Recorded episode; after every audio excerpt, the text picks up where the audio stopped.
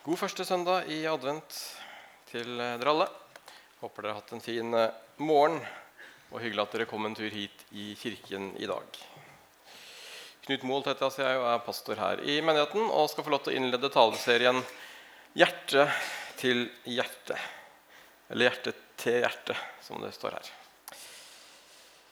Som også da er navnet på, på julefeiringen her i Misjonskirken. Med mulighet for å feire julaften her for de som eh, trenger det, og mulighet for å få en julegave. da. Så I fjor så ble det delt ut ca. 1000 julegaver som dere var med på å samle inn da, med disse hjertetrærne. Så det er supert. Og håper at det blir minst like mange gaver også i år. Hjertene våre er jo eh, viktige. Og jeg tenker at En av våre viktigste oppgaver som eh, menighet eh, og kirke det er å koble hjerter. Hjerte til hjerte. På flere plan. Og vi skal begynne å snakke litt eh, basic, grunnleggende om hjerte og hjertefokus i dag. For hjertet det er jo kroppens viktigste organ. Uten hjerte intet liv. Det pumper jo blod ut i kroppen og gjør at vi kan leve, rett og slett. Og hjertet det har også helt siden gamle egyptiske oldtiden og enda lenger tilbake, også blant de greske filosofene, det har på en måte vært sentrum i mennesket og også blitt tillagt andre egenskaper enn bare å pumpe blod. Hjertet er på en måte sentrum av kroppen, og det har vært et symbol på kjærlighet, eh, personlighet, og det har også vært et viktig element i religion og i tro. Og Hvordan fikk hjertet den posisjonen? Det kan man jo undre seg på, men vi vet jo at hjertet ofte Det kan jo kjennes at det er der. Vi vet jo at det har en funksjon, en viktig funksjon. Og så vet vi også at hvis man blir forelsket, eller hvis man blir litt redd eller syk eller begeistret, så kan hjertet dunke litt fortere og litt hardere. Og Hvis man eh, ligger på hjertesiden i senga, for eksempel, så kan man merke at hjertet dunker. Og Det er jo tegn på liv, så det er jo bra at man kan merke det. Og Siden vi er skapt i Guds bilde, så er også hjertet et symbol på, på Guds kjærlighet til eh, menneskene. Og så er det jo sånn at eh, For en god stund siden så mente jo forskerne at hjertet det er jo bare, det er jo bare et organ som, eh, som dunker. Og at alle følelser og alt annet sitter jo i hjernen vår. Og at når de på en måte snakker om at vi er glad i hjertet eller trist i hjertet, så er det bare på en måte billedlig. Og at uh, hjertesorg for eksempel, egentlig sitter i, i, hodet, og at man bare på en måte, har et uttrykk om at det sitter i, i, hjertet. Men det som er litt interessant, det var at i, i en artikkel i uh, Illustrert vitenskap i fjor så kunne man lese følgende at historier om kjærlighet tok en ny vending da vitenskapen forviste følelsene fra det eldgamle hjemmet deres i hjertet til kroppens beregnende datamaskin i hjernen. Men ny forskning gir hjertet litt av makten over tankene våre tilbake. Gjennom signalstoffer og nervebaner manipulerer hjertet hjernen i perfekt takt med hjerteslagene. Forskere har avslørt et vell av forbindelser mellom kroppens viktigste aktører, hjertet og hjernen, og resultatet nærmer seg en total sammensmelting av de to organene. Mens vitenskapen fram til nyere tid har sett på hjertet som en enkel blodpumpe, viser de nye oppdagelsene at hjertet hvert eneste sekund påvirker sanser, behov og de dypeste følelsene dine overfor andre mennesker. Forskere har lenge visst at hjertet i stor grad styrer sin egen rytme, men også at nerveforbindelser til hjernen innebærer at hjernen kan overvåke og påvirke hjerteslag hvis det er nødvendig. Men de siste årene har forskere også begynt å innse at kommunikasjonen også går den andre veien. En rekke studier har avsluttet at hjertet kan gripe inn i en lang rekke av hjernens aktiviteter. Dermed er også hjertet med på å forme tanker og atferd. Det syns jeg var litt interessant å lese om.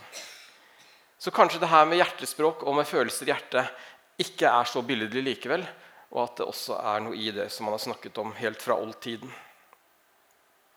Men hjertet er også en muskel, og de fleste musklene vi har, kan jo trenes.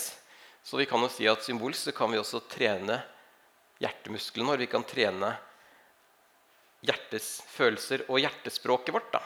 Det kan trenes, siden hjertet er en muskel. Og hva er et hjertespråk? Jo, ifølge ordboka så er hjertespråk en uttrykksmåte for hjertets eller sinnets innerste, dypeste følelser. Så Når vi snakker om følelser i hjertet, så er det de store følelsene vi ofte snakker om. Kjærlighet, godhet, mildhet. Men så kan det også være vonde følelser komme fra hjertet, med sorg og disse tingene her. Men det å ha hjertet på rett sted det er jo et uttrykk jeg bruker som handler om å vise godhet. At noen som er snille og gode. Og Bibelen taler mye om hjertet vårt. Faktisk så er ordet 'hjerte' nevnt over 1000 ganger i eh, Bibelen. Og Det viser jo også at det er eh, en viktig ting å snakke om. Blant annet i eh, skal vi se, ordspråkene eh, 4.23.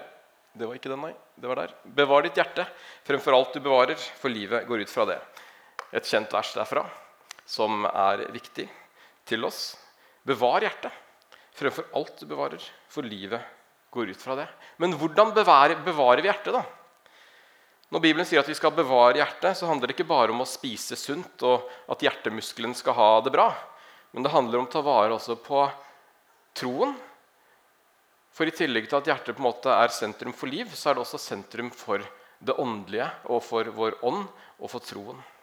Og blant annet i eh, Esekiel 36, 26-27 så står det jeg gir dere et nytt hjerte, og en ny ånd gir jeg inni dere. Jeg tar steinhjertet ut av kroppen deres og gir dere et kjøtthjerte i stedet. Jeg gir min ånd i dere og gjør at dere følger forskriftene mine, holder lovene mine og lever etter dem. Og Det er på en måte det vi handler om tenker jeg, når man tar et valg og ønsker å tro på Jesus. Så sier Gud at han tar ut det steinhjertet vi hadde, uten Jesus og setter inn et kjøtthjerte, et mykt hjerte. Og at vi får Den hellige ånd i hjertet, som da hjelper oss til å følge ham i hverdagen. Og Det er altså bekrefta i, eh, i, Det nye testamentet. I, eh, ja, jeg tror jeg trenger litt hjelp til å trykke i dag. Romerbrevet 5.5. Der står det Og håpet skuffer ikke. For Guds kjærlighet er utøst i våre hjerter ved Den hellige ånd som Han har gitt oss. Så Guds kjærlighet er utøst i våre hjerter ved Den hellige ånd som han har gitt oss, og som han har gitt til alle som tror. Så vi bærer Guds kjærlighet i hjertet. og det er klart at Da blir det ikke et hardt hjerte, men et mykt hjerte. Ofte I Det gamle testamentet så kan vi lese om at farao, som ville nekte Moses å dra ut, han, står at han gjorde hjertet sitt hardt. Og så nekta han de å reise flere ganger. Og flere ganger i Det gamle testamentet spesielt så står det at menneskene gjorde hjertene sine harde. Og så er det Gud som kan gjøre det mykt igjen, som kan ta ut steinhjertet og gi et kjøtthjerte. Men det innebærer at da må vi være åpne for Han og gi ham plass og rom i våre hjerter. Og de som gjør det, så står det at håpet skuffer ikke. For Guds kjærlighet da blir utøst i våre hjerter ved Den hellige ånd. Så når vi tror, så gjør Gud noe med hjertet vårt. Og det er mange vitnesbyrd fra mennesker som levde et liv hvor det ofte de kan si at de hadde et hardt hjerte. Men så møter de Jesus, og så får de et mykt hjerte. Og Det er mennesker som har forandret seg så mye at folk skjønner bare at det må være Gud. Hvordan skulle man ellers klart å forandre seg så mye? Man ser at de har blitt forandra ved at de har fått et nytt hjerte. Et Guds hjerte. Og at ved troen så har Jesus flytta inn og fått bolig der. Trykker neste. Eh, I Efeserbrevet 3,17 så står det må Kristus ved troen bo i deres hjerter, og dere stå rotfestet og grunnfestet i kjærlighet. At Jesus bor i hjertet vårt, det snakker Bibelen mye om. Men det bør også få konsekvenser utad. Slik at vi kan stå rotfestet og grunnfestet i kjærlighet. For Guds kjærlighet er altså utøst i våre hjerter, og ved troen så tar Jesus bolig i vårt hjerte og gjør at vi kan, som det står her, om vi kan synes en offer. Det kan altså, Og hva er det?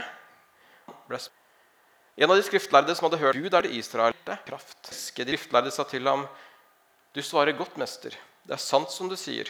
Herren er én, og det er ikke noe annet enn han.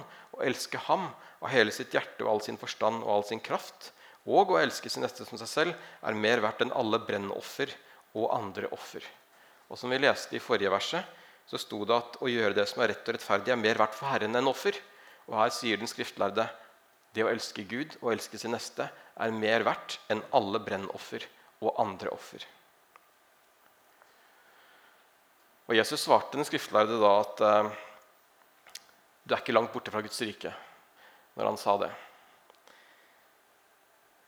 Så jeg tenker det at å elske Gud Hvis vi elsker Gud og elsker vår neste, så er vi ikke langt borte fra Guds rike. Og det må jo være bra, tenker jeg. Da er vi iallfall på rett spor i forhold til å bevare vårt hjerte. Men å elske Gud og elske vår neste, det handler om å ha et hjerte og bygge en bro fra vårt hjerte til Gud og fra vårt hjerte til andre mennesker fra hjerte til hjertet.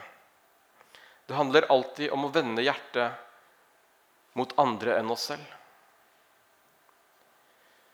Å elske Gud fra hjerte til hjerte, det handler om å ta Hans ord på alvor. Det handler om å elske tilbake Han som elsket oss først. Og det handler om å søke Ham og tilbe Ham, som vi gjør når vi lovsynger Hans navn her i dag. Når vi tilber, så er det dypest sett en sang fra mitt hjerte til Guds hjerte. Fra hjerte til hjerte. Og en respons på at han allerede bor i mitt hjerte. Og Derfor har jeg lyst til å tilbe han tilbake. Men så må det være ekte, og det må komme fra hjertet. Ekte oppvendelse skjer i hjertet. Så når vi lovpriser, gjør vi det med hjertet, eller gjør vi det med hodet? For sann tilbedelse handler om hjerte til hjerte.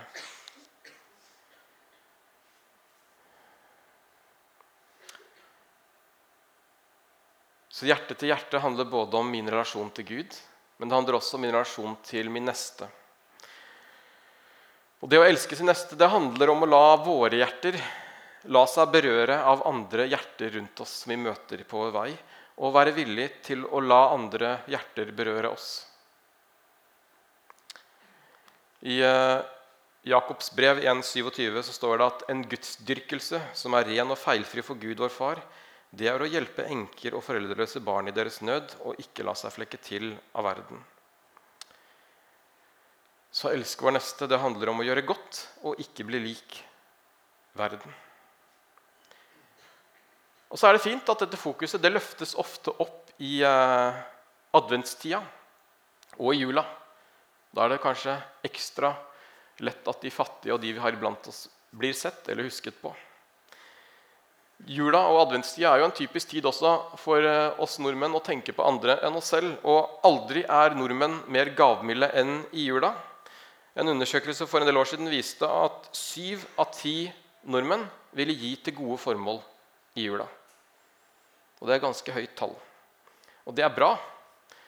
Men for oss som tror, så er vi ikke kalt til å være adventskristne eller julekristne. Men vi er kalt til å elske vår neste også hele året.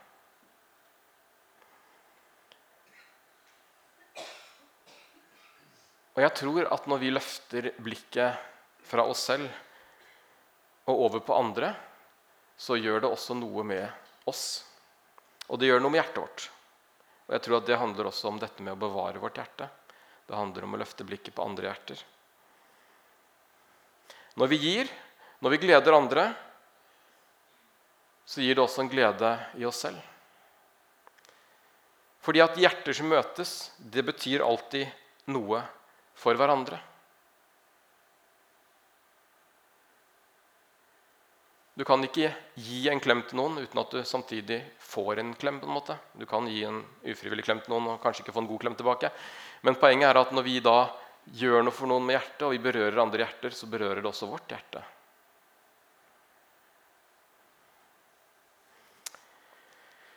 Fordi at hjerter som møtes, det betyr noe for hverandre. Det går ikke alltid den ene veien. og Det er det samme med Gud også. Så når vi tilber Gud fra vårt hjerte til hans hjerte, så får vi også noe tilbake fordi han rører ved oss. Derfor ønsker vi å legge til rette vi som menighet og kirke for at hjerter kan møte hverandre. Og i høstferien som var nå tilbake i høst, så kjørte vi en tett på hverandre hjemme hos-event. Hvor vi i stedet for gudstjeneste kunne velge å invitere noen eh, hjem. Eller gå på besøk til noen som vi kanskje ikke pleier å gå på besøk til. Eh, for å ta en kaffe eller en kveldsmat eller en middag eller ettersom. Folk var veldig fri på det. Og noen valgte å gjøre det. Og nå skal vi få opp eh, Kirsten Samuelsen. Eh, hun, som, eh, hun, og Jørn var en av de som valgte å invitere noen hjem. Så du kan bare ta med deg den mikrofonen som står ved trappa der oppe. Kirsten. Og Hun skal få lov til å dele litt kort om hvordan hun opplevde det å få noen relativt fremmede mennesker eh, kanskje. Litt usikker på det, faktisk. Men, eh, hjem på besøk da. Noen de kanskje ikke hadde Du kan få lov til å si det selv. Dere inviterte noen hjem? Vi inviterte hjem, ja. ja. Eh, vi er ganske så sosiale mennesker som har ofte mye folk rundt oss. Men så tenkte vi at nå kunne vi åpne hjemmet for folk vi ikke kjente eh, så godt. For det er jo gjerne de man kjenner best man tar med seg hjem på besøk. Så vi sa at jo, vi kan ta en eh, besøk en ettermiddag i ukedagene. Og vi kryssa vel av for at for oss var det, betydde ikke noe hvilken aldersgruppe. Om det var småbarnsfamilie, ungdom, voksne. Det var ikke så viktig for oss. Og det er klart at Når du gjør sånn, så blir du jo litt spent på hvem får du på besøk. Vi hadde ingen kontroll på hvem som kom. Det kunne vært hvem som helst. Hæ? Ja, det kunne vært hvem som helst. Ja, liksom. det kunne ja, ja. det. Eh, så vi fikk besøk av to stykk. Oi. Og Det var Barbro Svendsen og Ulf Himenes. Eh, og jeg har jo snakka med de på forhånd òg, og vi ble enige om at dette burde vi dele med flere. For det her opplevde vi veldig veldig flott. Ja. Vi starta med en kveldsmat. Enkel kveldsmat og satt rundt bordet og prata litt om hvem er vi hvem er Kirsten, hvem er Barbro, hvem er Ulf? Sånn at vi ble litt kjent med bakgrunnen vår. Hm. Eh, og etter det så hadde vi litt eh, kaffe, og så snakka vi rundt den teksten som eh, vi fikk med fra kirka, som vi kunne bruke. Og opplevde dette veldig, veldig fint. Fire mennesker som antageligvis ikke hadde vært sammen sånn ellers. Hm. Og Barbro sa noe så flott på slutten. Så sa hun dette er å bygge menighet. Så jeg vil absolutt oppfordre folk, hvis dere skal sette i gang med dette igjen, å åpne opp hjemmet ditt, eller si at ja, jeg vil på besøk til noen. For dette opplevde vi veldig, veldig fint. Så bra. Mm. Ja, det var gøy å høre, Kirsten. Takk for at du deler. Du kan godt gi en applaus. Jeg synes det er bra at folk kommer opp og tør å dele på, på gudstjenesten. Og det var jo ikke mer de gjorde enn å åpne hjemmet og si at vi vil ta imot besøk. Og så ble det en fin kveld. Og det er fint. Og så sier hun hvis de gjør det igjen, så er det bare å slenge seg med. Og den gode nyheten er at de gjør det igjen. Så eh, vi kjører tett på hverandre hjemme hos Advent Edition. Så ikke bare én uke, som vi hadde sist, men nå er det faktisk hele advent. Så hvis du tenker at jeg har også lyst som Kirsten å få noen på besøk, eller jeg har lyst til å gå på besøk og bli kjent med noen som jeg kanskje ikke hadde invitert hjem til vanlig, så kan du gå bak, og i responsfasen etterpå så ligger det lapper på bordet bak. Der hvor vi også har bønnekrukka. Der er det sånne tett på hverandre-lapper hvor du kan skrive. Krysse av for. Du kan velge ukedag eh, hvis det er noen spesielle ukedager som er best. Du kan velge ukenummer hvis det er spesielle uker nå før jul som passer. Eh, du kan skrive om du har allergier. så trenger ikke å tenke på det. Eh, og så ja, fylle ut om du ønsker hva du er. Småbarnsfamilie, hva man ønsker. forskjellig. Veldig mange muligheter der. Så du kan bare fylle ut, og så tar vi av oss og koble resten. Det ordner seg. Eh, men gjør gjerne det. Så da tenker jeg at vi har hele adventstida til å gå på besøk til hverandre. Eh, og at hjerter skal få lov til å møte hjerter. Så, så, bruk gjerne den muligheten. Det er også mulig å melde seg på, eh, på, nettsiden. og Vi kommer til å legge ut en link til et skjema der som også kan fylles ut. Hvis ikke du får gjort det her på gudstjenesten i dag, så kan du fylle det ut digitalt. Og Fram til søndag om to uker, den 11., så er det mulig å melde inn ønsker eller om man vil ha besøk eller gå på besøk. Eh, og Så stenger vi påmeldingen da, og så har man på en måte uken fram til Syng julen i nattene til å gjennomføre dette. da. Så etter nattene tenker vi at da kan folk få lov til å være i julemodus eh, selv. Men når noen avtalt besøk etter det, så skal vi selvfølgelig ikke hindre dere. Men det er mulighet i hvert fall. Og dette gjør vi jo som sagt også for å hjelpe eh, til å bygge menighet. Det var fint sagt. Man bygger menighet på tvers. Vi kommer tett på hverandre, generasjonene kan komme tett på hverandre, og ikke minst hjerter møter hjerter. Så jeg syns det er flott. Yes. Um, Vi håper jo også at eh, selv om vi kjører nå Advent Edition, og vi kanskje er enda mer gavmilde sånn i adventstida, så håper vi at det er noe som vil smitte over, og at dette her bare skjer automatisk eh, gjennom året. At noen sier at vet du hva, eh, kanskje de har lyst til å bli med hjem på en kopp kaffe etter gudstjenesten. da, eller, eller gå med en tur, eller et eller annet, og at ikke det bare blir i adventstida. Og En dame ved navn Jessica Arsmint hun skal ha sagt det slik en gang. Hold julehjertet åpent året rundt. Og det syns jeg er fint. Fordi at uh, julehjertet vårt er kanskje litt mer gavmildt enn ellers. Men uh, så er vi som tror, kalt til å holde julehjertet åpent året rundt. Og kan vise at det er ikke bare jula vi bryr oss litt ekstra, men vi bryr oss hele året. Og Derfor er jeg glad for at vi har uh, gode organisasjoner i menigheten, diakonale, som Rasteplassen og Til stede, og sånn, som er åpent hele året, ikke bare i, i adventstida. Og til stede skal vi få lov til å høre mer litt om og fra neste søndag så kom gjerne på det også. Men la oss begynne nå i desember da, og i adventstida. Og forhåpentligvis la det smitte oss og synes at det var så kjekt at vi har lyst til å gjøre det også i 2023. Og at vi kan få lov til å få mange hjerte-til-hjerte-historier som vi kan få lov til å høre om også i det nye året. For det er jo noe som skjer som sagt, når hjerter møter hjerter. Hjerte til hjerte. Aller mest, husk å bevare ditt hjerte og gi rom til Jesus som bor der.